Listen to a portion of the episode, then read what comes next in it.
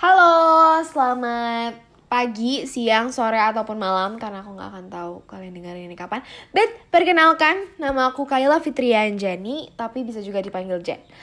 Dan hari ini kita akan ngebahas soal teks debat dan teks diskusi. Mulai dari pengertian, apa aja yang perlu diperhatikan Terus Ah, pokoknya banyak deh hari ini kita akan bahas tuntas soal teks debat dan teks diskusi. Jadi, semoga gak ngebosenin.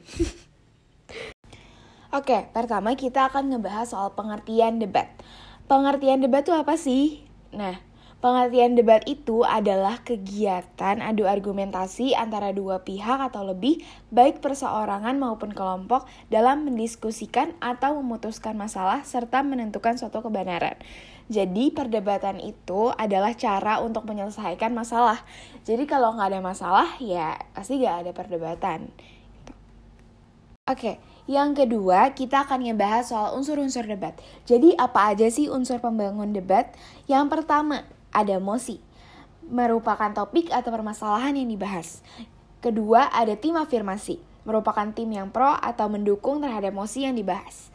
Tim oposisi, merupakan tim yang kontra atau menolak terhadap mosi. Yang keempat ada netral, tim netral. Tim netral ya tidak pro dan tidak kontra. Yang kelima ada peserta atau juri yang dipanggil untuk menilai peserta debat. Yang keenam ada moderator, merupakan orang yang bertugas mengatur jalannya sebuah debat. Dan yang ketujuh dan terakhir yaitu adalah notulis yang merupakan orang yang bertugas mencatat hasil dari debat. Oke. Okay. Yang ketiga, kita akan ngebahas soal struktur debat. Jadi, struktur debat itu apa sih? Yang pertama, isu atau masalah atau mosi berisi masalah yang akan didiskusikan lebih lanjut. Kedua, itu argumen merupakan pandangan seorang disertai dengan alasan. Argumen dalam sebuah debat terdiri atas argumen yang mendukung atau afirmasi atau pro yang berisi penjabaran yang mendukung atau memperkuat permasalahan yang sedang dibicarakan atau berupa persetujuan. Sedangkan argumen atau men, e, itu menentang atau kontra atau oposisi merupakan argumen yang bertentangan dengan isu yang sedang dibahas.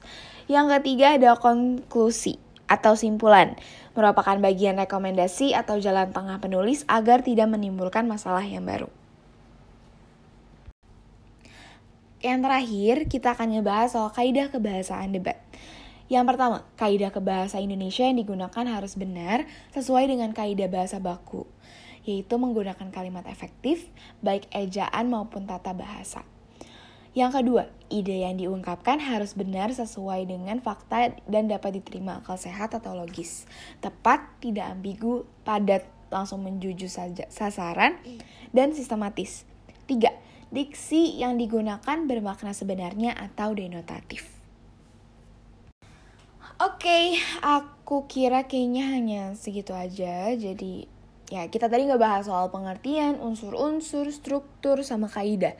It's udah menurut aku udah lumayan tuntas juga sih. Jadi mau maaf jika ada salah kata, maaf kalau misalnya ada yang belibet atau apa. But ya, yeah, um, thank you udah dengerin sampai habis. But yeah, I love you, I guess. bye bye, have a great day.